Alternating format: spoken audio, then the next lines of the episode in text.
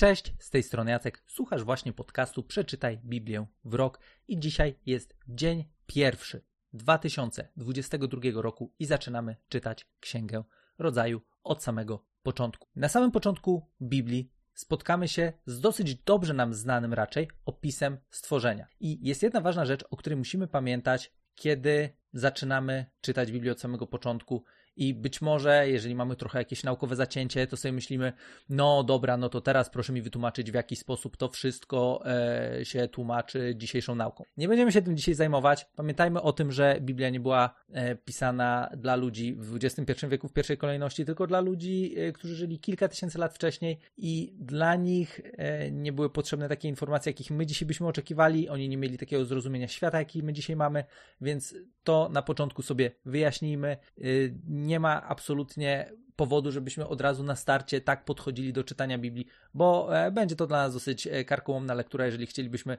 z każdą taką rzeczą, która wzbudzi e, w nas jakieś tam takie rozkminy się mierzyć, bo ten rok to zdecydowanie byłoby wtedy dosyć mało. Jedna ważna rzecz na starcie, o której musimy pamiętać, to jest to, żebyśmy zrozumieli, że Biblia była pisana dla ludzi żyjących w konkretnej kulturze, w konkretnych czasach. I kiedy mówimy o Księdze Rodzaju, czy o Pięcioksięgu w ogóle, e, którego to Księga Rodzaju jest pierwszą księgą, pamiętajmy o tym, że została ona napisana w otoczeniu kultury wschodniej, gdzie były też inne narracje, które przedstawiały to, w jaki sposób został stworzony świat.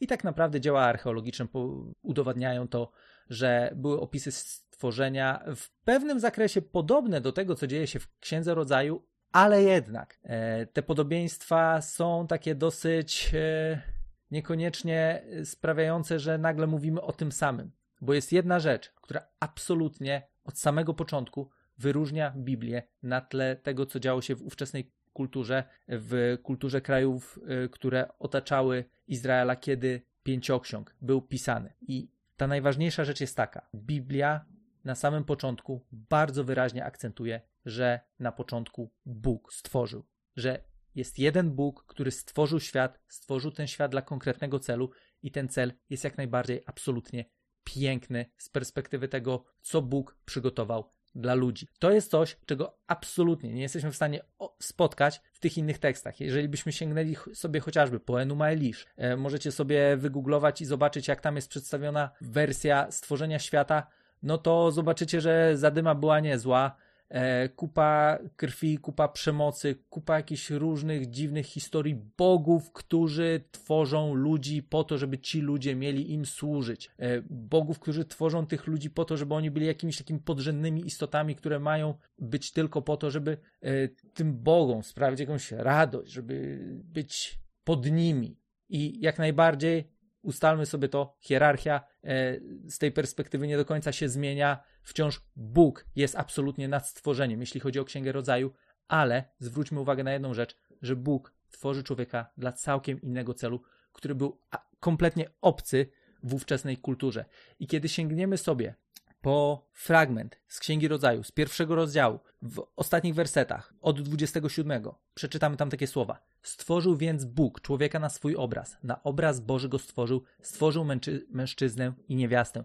Po czym Bóg im błogosławił, mówiąc do nich: Bądźcie płodni rozmnażajcie się, abyście zaludnili ziemię i uczynili ją sobie podaną, abyście panowali nad rybami morskimi, nad ptactwem powietrznym i nad wszystkimi zwierzętami pełzającymi po ziemi. Opis stworzenia człowieka, który poznajemy w Księdze Rodzaju, jest absolutnie wyjątkowy. Po pierwsze, Bóg tworzy człowieka na swój obraz. Bóg chce, żeby człowiek był odbiciem natury Boga. Bóg chce, żeby człowiek tak naprawdę był jego godnym reprezentantem na ziemi i tworzy ziemię po to, żeby człowiek tą ziemią się zajął, żeby był płodny, żeby mógł się rozmnażać, żeby tą ziemię zaludnił, żeby ją uczynił sobie poddaną, żeby zadbał o tą ziemię, żeby o nią dbał, żeby ją rozwijał, żeby na tej ziemi tworzył i żeby tak naprawdę ta ziemia mogła jemu służyć. I jeżeli dzisiaj byś się zastanawiał, no właśnie, dlaczego, dlaczego tak nie jest? No bo tak, o tym, o tym właśnie w kolejnych rozdziałach. O tym już mamy w rozdziale trzecim, kiedy człowiek wybiera swoją drogę, kiedy człowiek się buntuje, kiedy człowiek podejmuje decyzję, że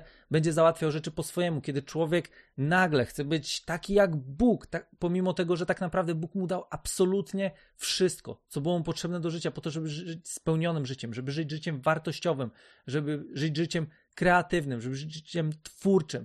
Mieliśmy wszystko, ale chcieliśmy stać się na równi ze Stwórcą, co w ogóle było kompletnym nieporozumieniem od samego początku. I to jest coś, co jest ostatecznie przyczyną całego zła, które dzieje się na świecie, że nagle my chcemy być swoimi własnymi bogami, że chcemy być na równi Bogu. I nasz jednak cel był taki, żebyśmy mogli zająć się tą ziemią, żebyśmy mogli o nią zadbać, żebyśmy mogli ją rozwijać i żebyśmy mogli pokazywać całemu stworzeniu, jaki jest Bóg przez to, jak my będziemy na tym świecie funkcjonować. I od razu mogę powiedzieć, że są tak naprawdę cztery tylko rozdziały w Biblii, gdzie widzimy idealny świat. Biblia nie opisuje idealnego świata. Idealny świat mamy w dwóch pierwszych rozdziałach Księgi Rodzaju i w dwóch ostatnich rozdziałach Księgi Objawienia. To jest świat, gdzie nie ma zła, gdzie nie ma grzechu, gdzie człowiek w relacji ze swoim stwórcą jest w absolutnie idealnej harmonii. Są jedynie cztery takie rozdziały, jakbyście chcieli kiedyś spojrzeć sobie na to, jaki jest mm, właśnie pomysł na to, jak człowiek miał funkcjonować na świecie, to spójrzcie sobie na te tylko rozdziały. A na dzisiaj pamiętajmy o tym, Bóg ma dla człowieka wyjątkowy plan, Bóg ma plan dla ludzkości i ten plan chce realizować pomimo tego, że zaraz w trzecim rozdziale ponosimy kompletną porażkę, Bóg nie daje za wygraną, walczy o człowieka, przygotowuje plan, ten plan zaczyna konsekwentnie realizować po to, żebyśmy my mogli być przywróceni do tego pierwotnego stanu, w jakim zostaliśmy stworzeni po to, żeby móc odbijać to, jaki jest Bóg, żeby nasze życie mogło być odzwierciedleniem tego, jaki jest Stwórca. Odkrywania tej natury życzę nam wszystkim. Mam nadzieję, że będziemy w stanie jeszcze lepiej zrozumieć tę historię przez pryzmat kolejnych rozdziałów, które będziemy czytać zarówno w Księdze Rodzaju, jak i w całej Biblii. A tymczasem dzięki za dzisiaj i słyszymy się już jutro.